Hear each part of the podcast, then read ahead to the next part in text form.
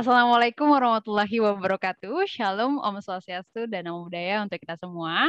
Uh, sebelumnya, selamat siang kepada Kak Septi dan Kak, Abdu, Kak, Kak Abdul. Dan kami berterima kasih sekali karena Kak Abdul Mukti SHMH selaku Kepala Bagian Persidangan dan Pemeriksaan Komisi Yudisial RI telah uh, hadir dalam podcast kita yaitu Flawless Talk dan juga kepada Kak Septi Melinda SPSI MPSIT selaku Kepala Bagian Rekrutmen Hakim Komisi Yudisial RI yang telah uh, menyempatkan waktunya untuk hadir di Flawless Talk dengan tema membina dan menjaga moralitas hakim pada hari ini.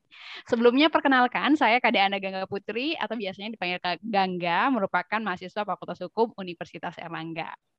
Nah, pada podcast hari ini seperti temanya yaitu membina dan menjaga moralitas hakim, eh, kita berharap eh, dari podcast ini itu dapat memberikan masyarakat dan para pemerhati hukum di Indonesia dapat mengetahui sekaligus memahami uh, tentang pelaksanaan pembinaan dan praktik pengawasan terhadap kinerja hakim di Indonesia oleh lembaga Komisi Yudisial. Nah, kalau misalnya kita lihat dalam Undang-Undang Komisi Yudisial itu ada beberapa tugas dan wewenang yang dimiliki oleh Komisi Yudisial, yaitu yang pertama adalah berkaitan dengan pengangkatan hakim agung, kemudian di sini juga menjaga dan menegakkan kehormatan, keluruhan, martabat serta perilaku hakim dan menetapkan kode etik atau pedoman perilaku hakim bersama-sama dengan MA, lalu juga menjaga dan menegakkan pelaksanaan kode etik dan atau pedoman perilaku hakim. Nah, mungkin yang jadi pertanyaan kita di sini, eh, kita langsung saja ke berbincang-bincang berkaitan dengan uh, tugas tugas dan fungsi dari tugas, fungsi dan wewenang dari Komisi Yudisial sendiri.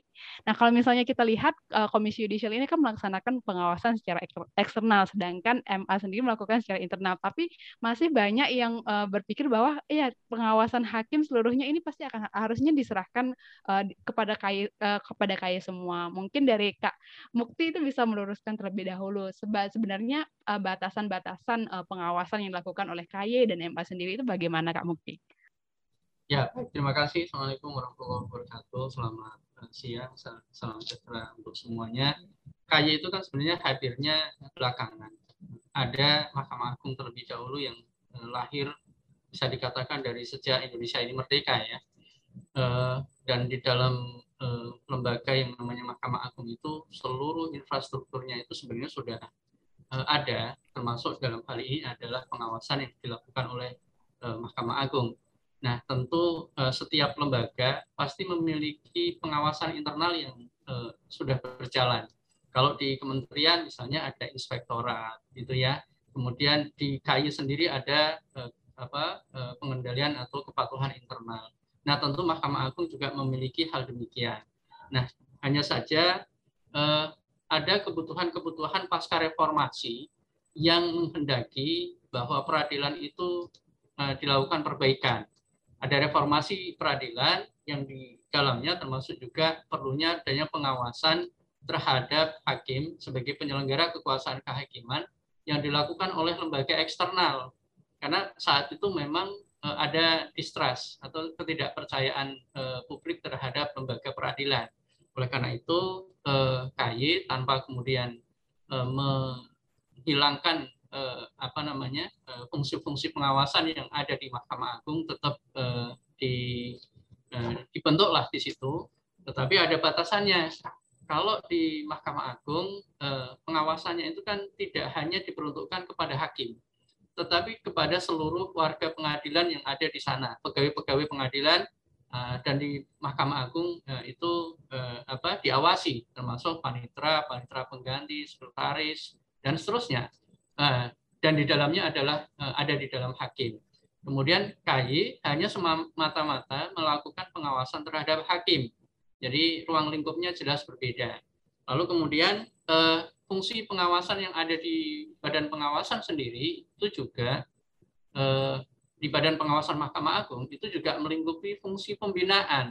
Jadi selain melakukan pengawasan, mereka juga melakukan pembinaan. Nah, ini yang tidak dimiliki oleh Komisi Yudisial sehingga pada saat kita melakukan pengawasan, mereka bisa masuk ke ranah-ranah yang tanda kutip eh, apa namanya eh, disebut sebagai wilayah teknis judisial, terutama mengenai eh, penerapan hukum acara. Nah, di Komisi Yudisial itu eh, hal demikian eh, apa namanya eh, untuk yang substansinya, tentu kita tidak akan masuk ke sana.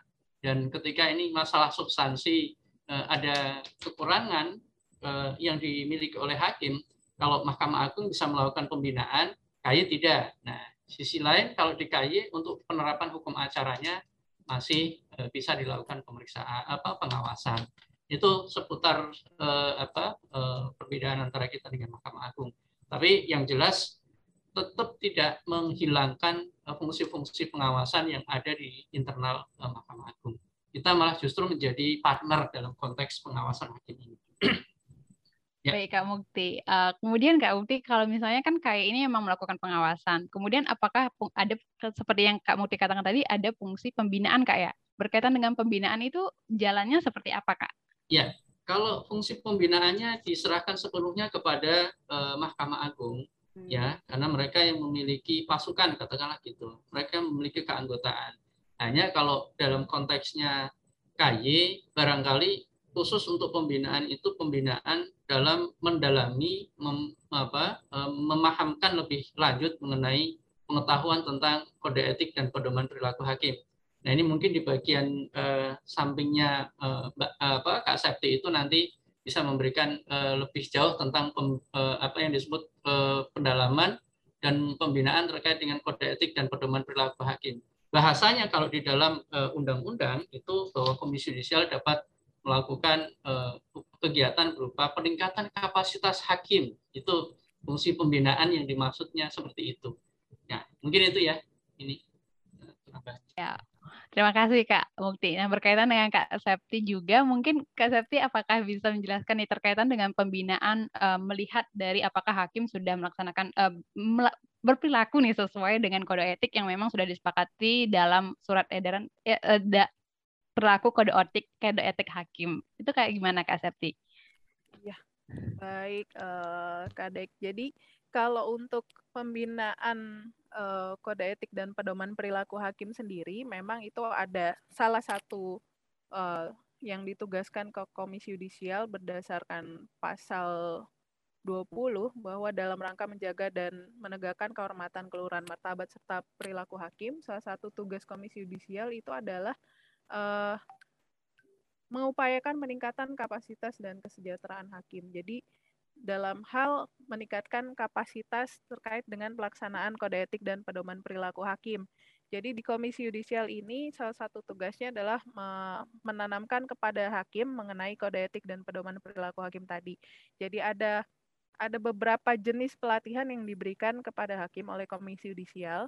Yang pertama adalah pelatihan uh, terkait dengan kode etik pedoman perilaku hakim. Ini diberikan kepada hakim dengan masa kerja 0 sampai 8 tahun itu untuk pemaknaan kode etik dan pedoman perilaku hakim.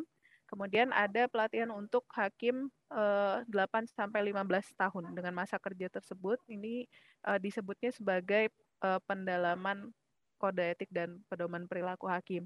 Di samping itu juga Komisi Yudisial melakukan pelatihan-pelatihan tematik eh, tergantung dengan tren atau tema uh, pengetahuan yang dibutuhkan oleh hakim pada saat itu. Jadi waktu lagi tren kemarin pemilu ada tentang peradilan pemilu, kemudian ada tentang eh, hal-hal uh, lain yang diberikan oleh Komisi Yudisial kepada hakim. Seperti itu. Kak Septi, jadi ini pengawasannya itu lebih untuk uh, kepada bentuk pelatihan-pelatihan untuk menanamkan kode etik itu sendiri, Kak ya? Yes. Nah, uh, terima kasih Kak Septi. Mungkin setelah dari pengawasan, saya ingin bertanya berkaitan dengan fungsi, eh, maksud saya dari pembinaan kita masuk ke pengawasan. Nah, bentuk pengawasan itu sendiri secara spesifik itu uh, ada beberapa jenisnya kayak ya? apakah pengawasan itu apakah kayak langsung ke langsung datang ke pengadilan atau memang melihat gimana sidangnya dan lain sebagainya atau ada jenis pengawasan lainnya Kak? Mungkin dari Kak Mukti terlebih dahulu. Oke, ya, terima kasih. Jadi ini juga menerjemahkan eh, dari kewenangan yang ada di pasal eh, 13 eh, Undang-Undang Komisi Yudisial mengenai tugas-tugas eh, dalam rangka menegakkan kehormatan, keluhuran martabat serta perilaku hakim. Eh, Komisi Yudisial mempunyai tugas melakukan pemantauan dan pengawasan terhadap perilaku hakim. Kemudian menerima laporan masyarakat uh, berkaitan dengan pelanggaran kode etik dan atau pedoman perilaku hakim. Di KY uh, kode etik dan pedoman perilaku hakim ini kita ini lebih uh, lebih sering menyebutnya sebagai KEPPH ya. Itu merupakan pedoman dalam pelaksanaan kegiatan pengawasan. Kemudian melakukan verifikasi, klarifikasi, dan investigasi terhadap uh, laporan dugaan pelanggaran KIPPH. Kemudian memutus benar tidaknya laporan dugaan pelanggaran KIPPH. Baik, saya akan memberikan uh, ilustrasi terkait dengan tugas-tugas itu.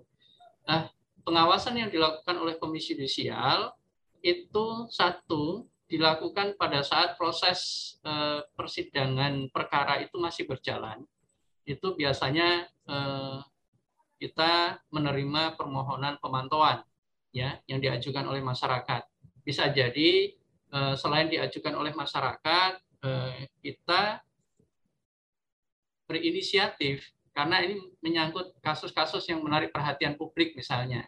Itu berinisiatif melakukan kegiatan pemantauan. Nah, ini eh, satu poin terhadap kegiatan pengawasan atau pemantauan. Nah, pemantauan sendiri biasanya dijalankan pada saat eh, perkara itu masih dalam proses persidangan. Ya, jadi tahapan-tahapan sidang itu eh, dihadiri oleh eh, petugas pemantau. Nah, petugas pemantau ini dari KY pusat ada, dari KY eh, apa eh, penghubung wilayah ada. Di Surabaya kelihatannya ada ya, kantor penghubung komisi judisial. Nah, itu melakukan kegiatan pemantauan.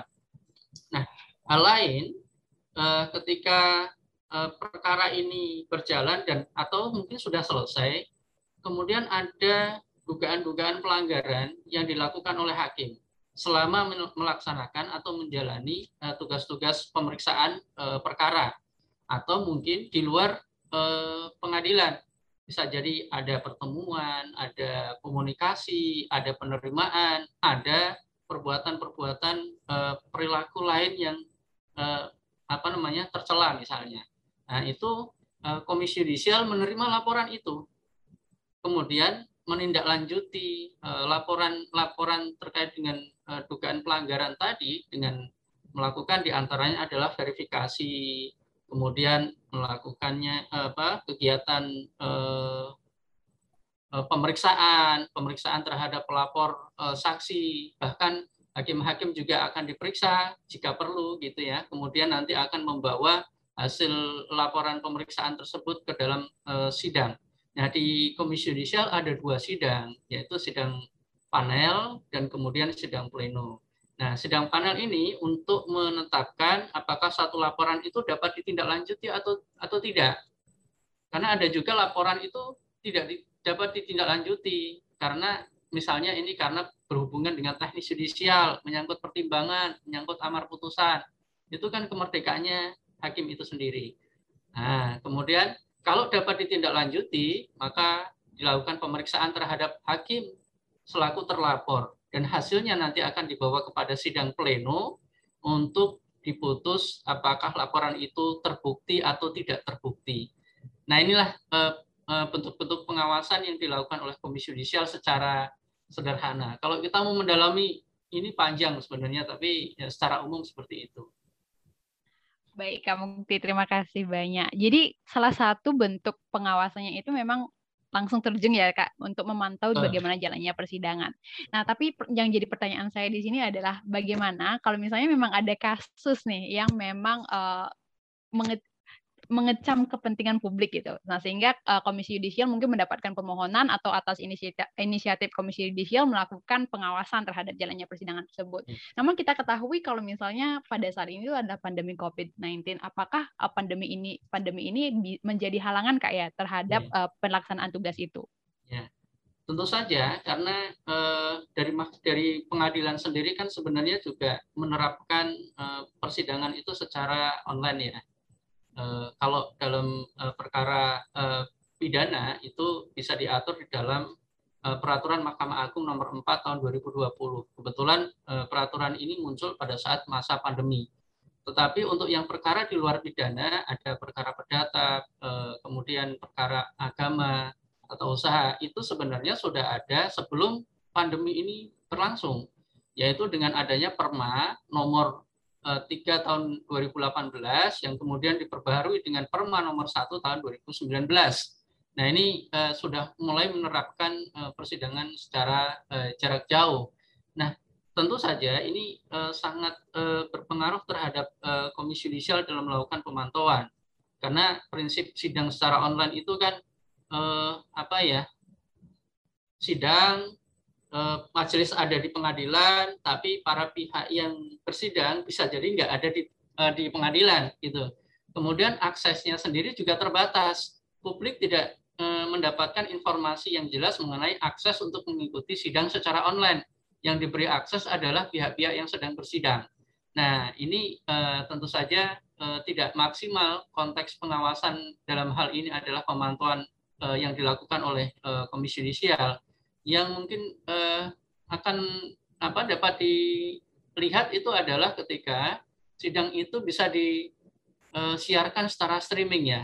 Ini kayak uh, kasus uh, perkaranya Habib Rizik Syihab kemarin karena ini menarik perhatian publik betul dan itu inisiatif dari media dan pengadilan kemudian menstreamingkan itu sehingga itu bisa tercapture dengan baik oleh Komisi Yudisial. Tetapi kan banyak perkara lain yang dimohonkan Eh, pemantauan itu tidak disiarkan secara apa namanya secara terbuka. Ini yang kemudian harus minta akses ke sana dan rupanya kebijakannya saat ini memang belum memberikan akses di luar pihak-pihak yang sedang bersidang.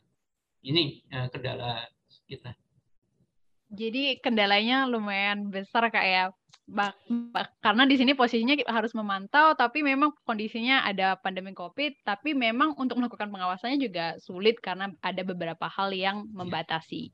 Nah, kemudian berkaitan juga dengan fungsi pengawasan. Jadi di sini kan tidak hanya dari inisiatifnya tidak hanya datang dari KY sendiri untuk melakukan pengawasan, uh. tapi di sini juga kita perlu peran serta masyarakat. Tapi kadang-kadang masyarakat ketika melihat ada uh, uh, misalnya mengkritik hakim, ini ini sebenarnya harusnya seperti ini seperti ini. Biasanya itu cuma dikor-korkan di sosial media. Sebenarnya apa yang bisa dilakukan oleh masyarakat dalam melakukan juga fungsi pengawasan terhadap hakim itu? Ya, jadi masyarakat itu kan sebenarnya uh, ujung tombaknya uh, apa dalam konteks uh, uh, melakukan pengawasan juga karena dia apalagi kalau dia memiliki perkara yang diselesaikan di uh, pengadilan. Nah, uh, untuk bisa dilakukan pemantauan uh, oleh Komisi Yudisial terutama tentu saja harus ada permohonan terlebih dahulu Nah, kemudian yang kedua, inisiatif dari masyarakat itu sendiri adalah ketika nanti uh, ditemukan selama proses uh, sidang itu berlangsung, ditemukan adanya dugaan-dugaan pelanggaran, misalnya hakim mungkin bisa jadi berat sebelah, kemudian hakim melakukan intimidasi, hakim tidak menghormati, menghargai hak-hak para pihak, begitu ya, itu uh, bisa melaporkan sebagai satu bentuk pelanggaran yang nanti akan bisa didalami oleh Komisi Yudisial dan hal, dalam hal ini perlu dibantu dengan eh, dokumentasi dan saksi-saksi yang menguatkan eh, apa laporannya. Kalau eh, proses yang dilaporkan itu menyangkut eh, proses persidangan, tapi tidak ada dokumentasi, nanti kami akan mengalami kesulitan juga untuk flashback ke belakang. Kejadiannya sudah berlalu, tapi nggak ada dokumentasinya. Lalu tiba-tiba minta supaya eh, apa ucapan dari misalnya hakim ini sangat melukai, sangat mengintimidasi, ucapan yang seperti apa itu kan bisa jadi kan eh, kita ini hanya apa namanya hanya eh, menduga-duga saja itu ceritanya kayak gitu. Nah, itu menyangkut pengawasan ininya. Nah masyarakat kami berharap ya tetap eh, sama-sama kita bekerja sama untuk mereka juga melengkapi melaporkan dan uh, apa namanya uh, menginformasikan secara faktual dan jujur gitu Jadi memang sebenarnya perlu peran dari semua ya dari baik dari KY baik dari masyarakat dan mungkin dari masyarakat juga perlu mengetahui bahwa bisa berkontribusi dengan jalan memberikan pelaporan terhadap memang kalau misalnya ter dalam persidangan atau hakim dinilai dinilai uh, telah melanggar kode etik atau seperti itu, tapi memang di sini tetap harus uh, agar memudahkan juga tugas pengawasan dan penindakannya nanti itu uh, juga memberikan bukti dan lain sebagainya seperti itu kayak. Ya.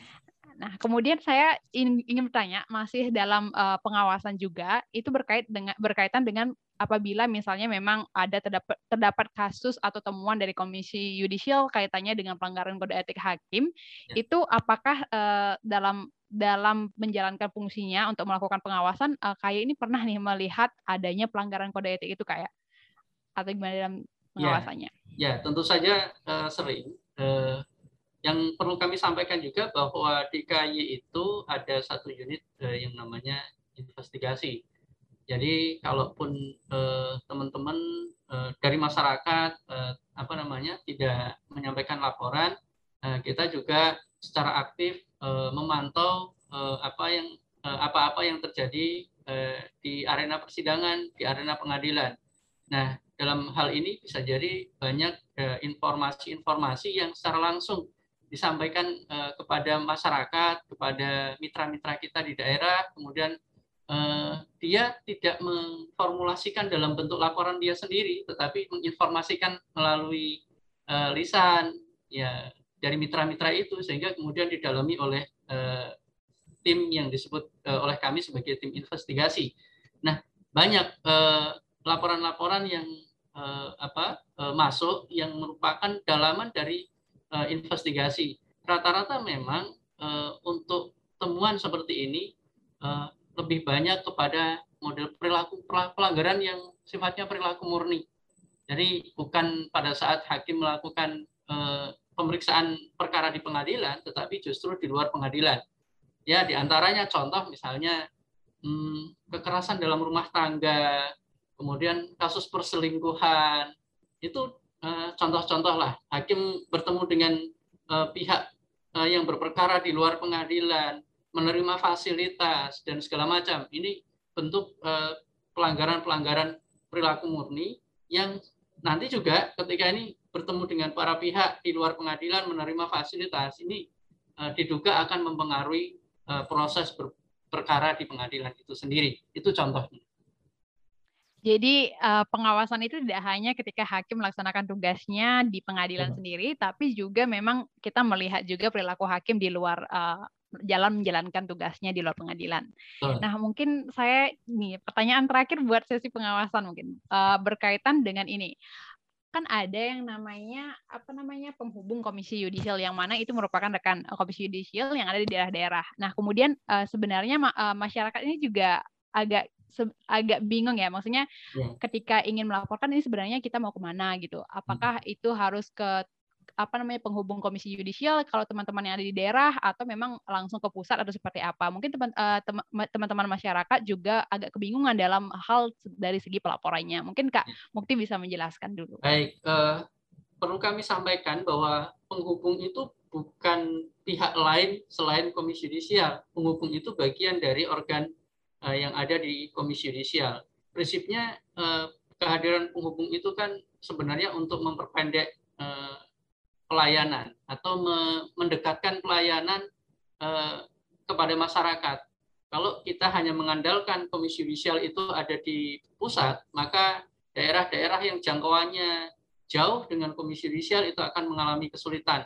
Nah, di situlah uh, peran penghubung untuk menerima laporan masyarakat, kemudian kadang-kadang juga konsultasi dan e, melakukan kegiatan pemantauan di luar bahwa kami SDM-nya pun juga sangat terbatas sehingga dengan adanya penghubung e, komisi yudisial di daerah itu akan membantu pelaksanaan tugas teknis kita di e, komisi yudisial. Tapi yang harus kita e, pahami juga adalah penghubung komisi yudisial itu bagian dari organ yang ada di komisi yudisial sehingga mau melapor ke Eh, penghubung eh, bisa, mau melapor ke pusat juga bisa. Jadi kalau misalnya eh, mengalami permasalahan jarak, mungkin biayanya kalau melapor ke Jakarta besar gitu kan, atau setidaknya harus keluar biaya pengiriman lah.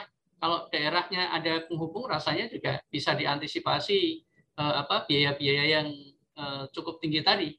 Nah, itu kira-kira dengan adanya penghubung intinya merupakan bagian dari komisi judisial. Baik, Kak. Jadi mungkin masyarakat yang memang ingin melaporkan ke kasus terkait berkaitan dengan pelanggaran kode etik yang dilakukan oleh hakim bisa melaporkan ke Komisi Yudisial, baik itu penghubung Komisi Yudisial yang memang ada di beberapa daerah kayak pada saat ini masih ada di beberapa daerah kan, Kak ya? Ya, betul. Hmm.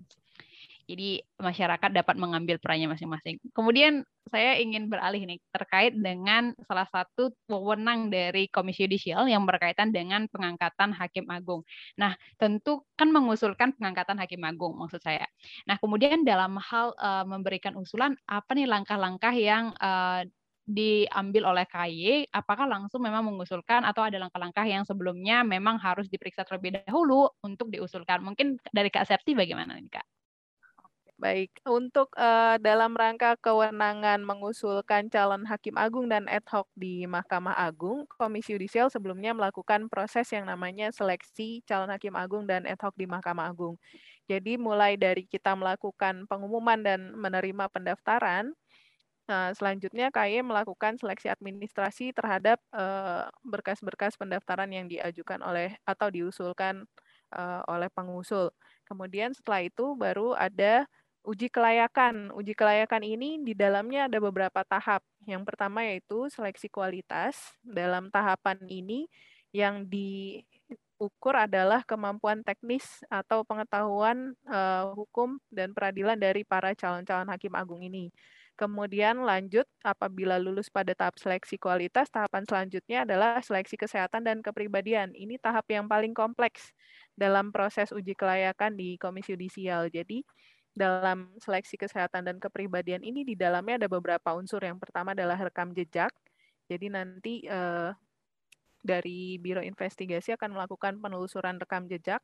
Kemudian hasil penelusuran rekam jejak ini ditambah data-data dari eh, LHKPN, kemudian masukan dari masyarakat, kemudian data-data yang masuk ke Biro Pengawasan Perilaku Hakim, apakah pernah dilaporkan dan mendapat uh, rekomendasi sanksi dari Komisi Yudisial maupun dari Badan Pengawasan Mahkamah Agung itu kemudian diolah menjadi data rekam jejak. Nah, di samping rekam jejak ada juga uh, penilaian kompetensi, ada asesmen kompetensi dan kepribadian. Apakah si calon ini secara kepribadian dan kompetensi cocok dengan jabatan hakim agung. Dan uh, ada juga seleksi kesehatan. Jadi ada uh, pemeriksaan kesehatan dan kejiwaan yang dilakukan bekerja sama dengan rumah sakit uh, nasional Nah, uh, dalam tahap uji kelayakan ini kemudian yang terakhir adalah wawancara terbuka. Ini calon-calon yang sudah lulus di seleksi kesehatan dan kepribadian akan diwawancara oleh sembilan panelis. Sembilan panelis ini terdiri dari tujuh pimpinan dan anggota Komisi Yudisial plus ada satu uh, pakar atau ahli di yang uh, di bidang kenegarawanan. Kemudian satu lagi ada pakar hukum yang menguasai teknis hukum dan peradilan. Nah, setelah wawancara ini baru diputuskan uh, kelulusannya dan kemudian nama-nama calon yang lulus di seleksi calon hakim agungan ad hoc kemudian di, diusulkan ke DPR untuk mendapatkan persetujuan. Seperti itu tahapannya. Panjang ya Kak tahapannya, iya. tapi tahapan ini memang sepanjang itu untuk melihat nanti agar hakim itu uh, bekerja itu sesuai dengan kode etik yang telah ditetapkan dan berintegritas juga tentunya agar bisa menegakkan keadilan seperti itu Kak Septi ya. Betul sekali karena kan katanya jabatan hmm. hakim ini hakim agung itu terutama ya itu kan jabatan tertinggi dari uh, karir hakim. Nah, itu pun harus apa ya? Sebuah jabatan yang ada adagiumnya dia adalah jabatan yang mulia, yang nobel gitu ya. Bahkan ada yang menyebutnya sebagai wakil Tuhan. Jadi harus bisa adil, harus bisa memperhatikan uh, apakah ini ada kemanfaatannya putusannya bisa memberikan kepastian hukum atau tidak. Makanya uh, seleksinya tidak bisa dipersamakan dengan uh, jabatan-jabatan yang lain. Nah, unsur rekam jejak dan integritas menjadi sangat kental di proses seleksi ini. Hmm, baik Kak Septi. Nah, kemudian Kak Septi uh, berkaitan dengan memang uh, ada proses uh, memberikan pertimbangan terkait dengan uh, hakim hakim agung.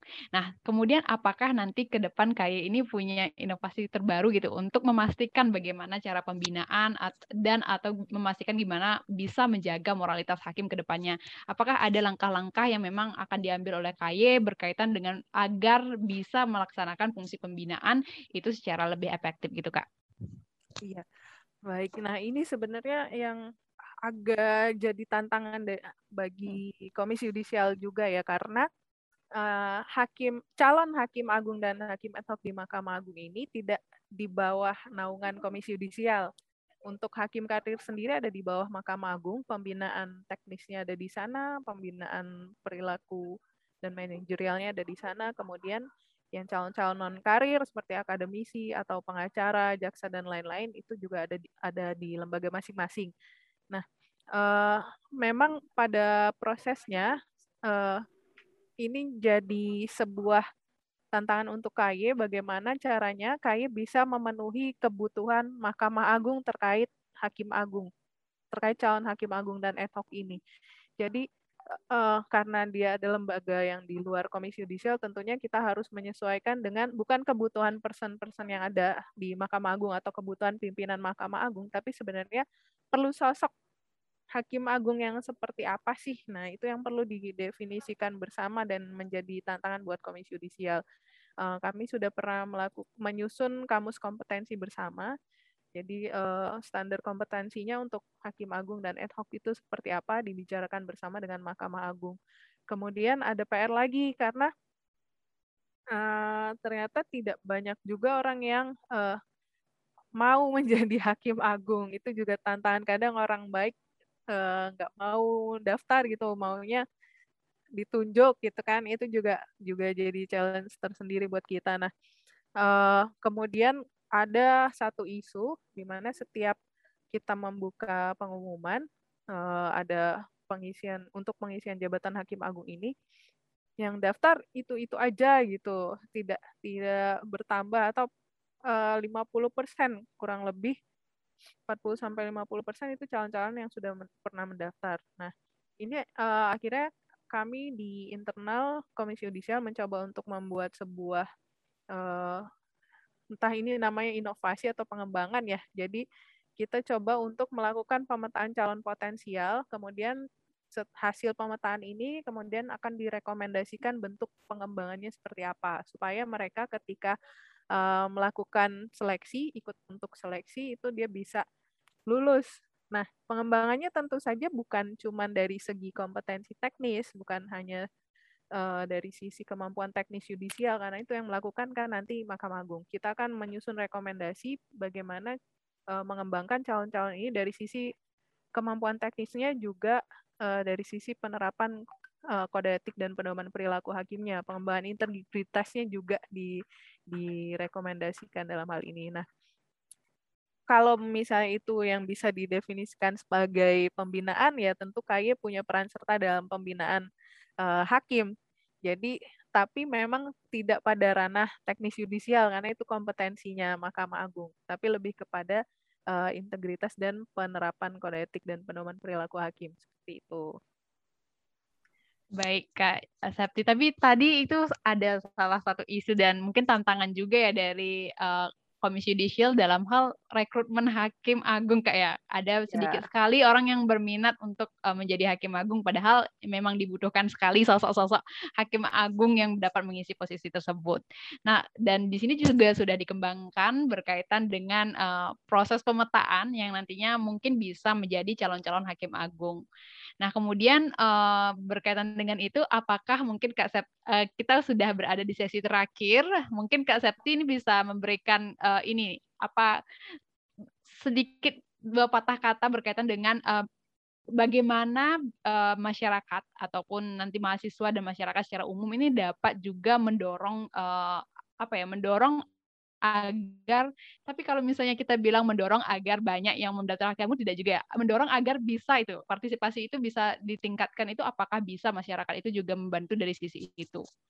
Oke baik jadi untuk tentunya komisi yudisial tidak bisa bekerja sendiri dalam hal uh, memilih hakim calon hakim agung dan calon hakim ad hoc yang memenuhi kualifikasi baik dari segi kompetensi maupun integritas, KAY tidak bisa sendiri. Pastinya KAY selalu membutuhkan partisipasi dari masyarakat. Jadi sejak awal pengumuman kelulusan dari kelulusan administrasi itu KAY akan meminta masukan dari masyarakat terkait calon-calon yang sudah lulus pada tahap administrasi. Nah, eh, itu sangat berguna sekali untuk uh, melakukan penelusuran rekam jejak para calon-calon ini.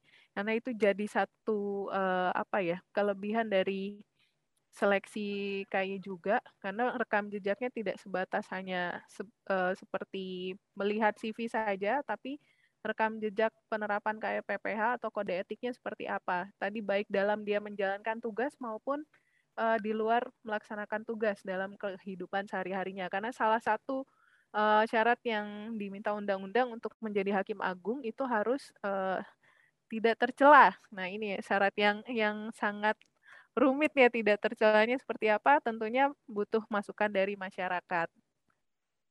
Seperti itu. Ya, jadi masyarakat bisa berkontribusi dengan memberikan masukan kepada Komisi Yudisial, Kak ya. Nah, kemudian mungkin uh, untuk menutup ini, uh, saya minta Kak Mukti untuk memberikan closing statement atau memberikan pesan pada mahasiswa dan masyarakat umum sebagai da agar dapat berpartisipasi aktif dalam pembinaan dan penjagaan moralitas hakim. Dipersilakan Kak uh, Mukti. Baik, uh, terima kasih. Jadi uh, KY ini kan sebenarnya lahir salah satunya adalah menjawab ekspektasi dari uh, masyarakat untuk uh, bisa memberikan kontribusinya dalam rangka mendorong perbaikan wajah peradilan di Indonesia, begitu kira-kira.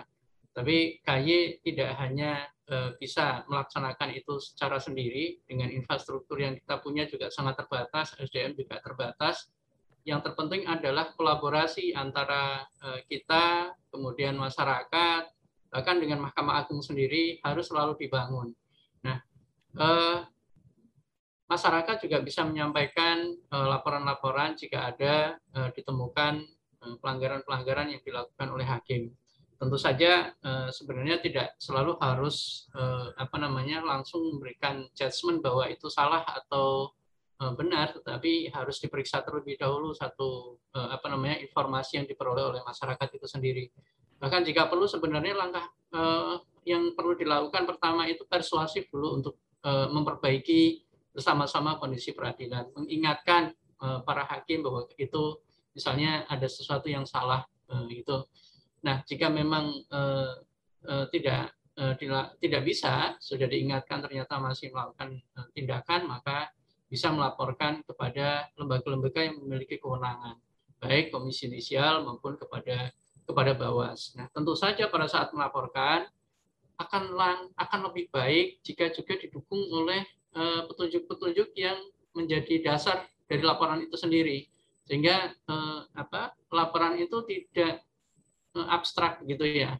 Kita suruh nyari sendiri, terus kita juga tidak kemudian simsalabim Eh, dapat bukti itu sendiri tanpa kita ada proses meskipun kita juga melalui dengan tahapan-tahapan yang eh, prosesnya jelas.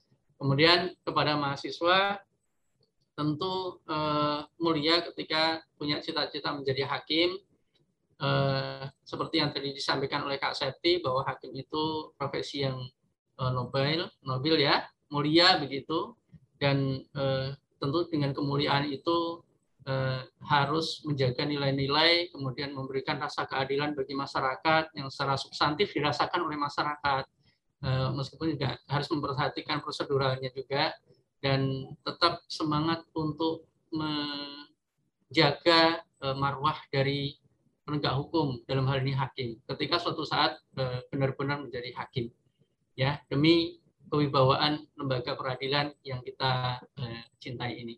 Demikian terima kasih Terima kasih Kak Mukti. Jadi sebenarnya semua elemen itu dapat mengambil perannya masing-masing, baik dari Komisi Yudisial, dan masyarakat, serta mahasiswa sendiri. Semuanya dapat berpartisipasi untuk uh, apa ya untuk menjaga marwah uh, marwah hakim itu sendiri agar bisa juga uh, kita memiliki hakim yang berintegritas ya kita juga perlu bergerak untuk untuk itu. Jadi mungkin itu untuk podcast uh, Flawless Talk kita hari ini. Saya ucapkan terima kasih sekali kepada Kak Mukti dan Kak Septi. Saya Anda Gangga uh, undur diri dan mengucapkan terima kasih kembali uh, dan semoga kita di masa pandemi COVID-19 ini tetap sehat semuanya. Terima kasih.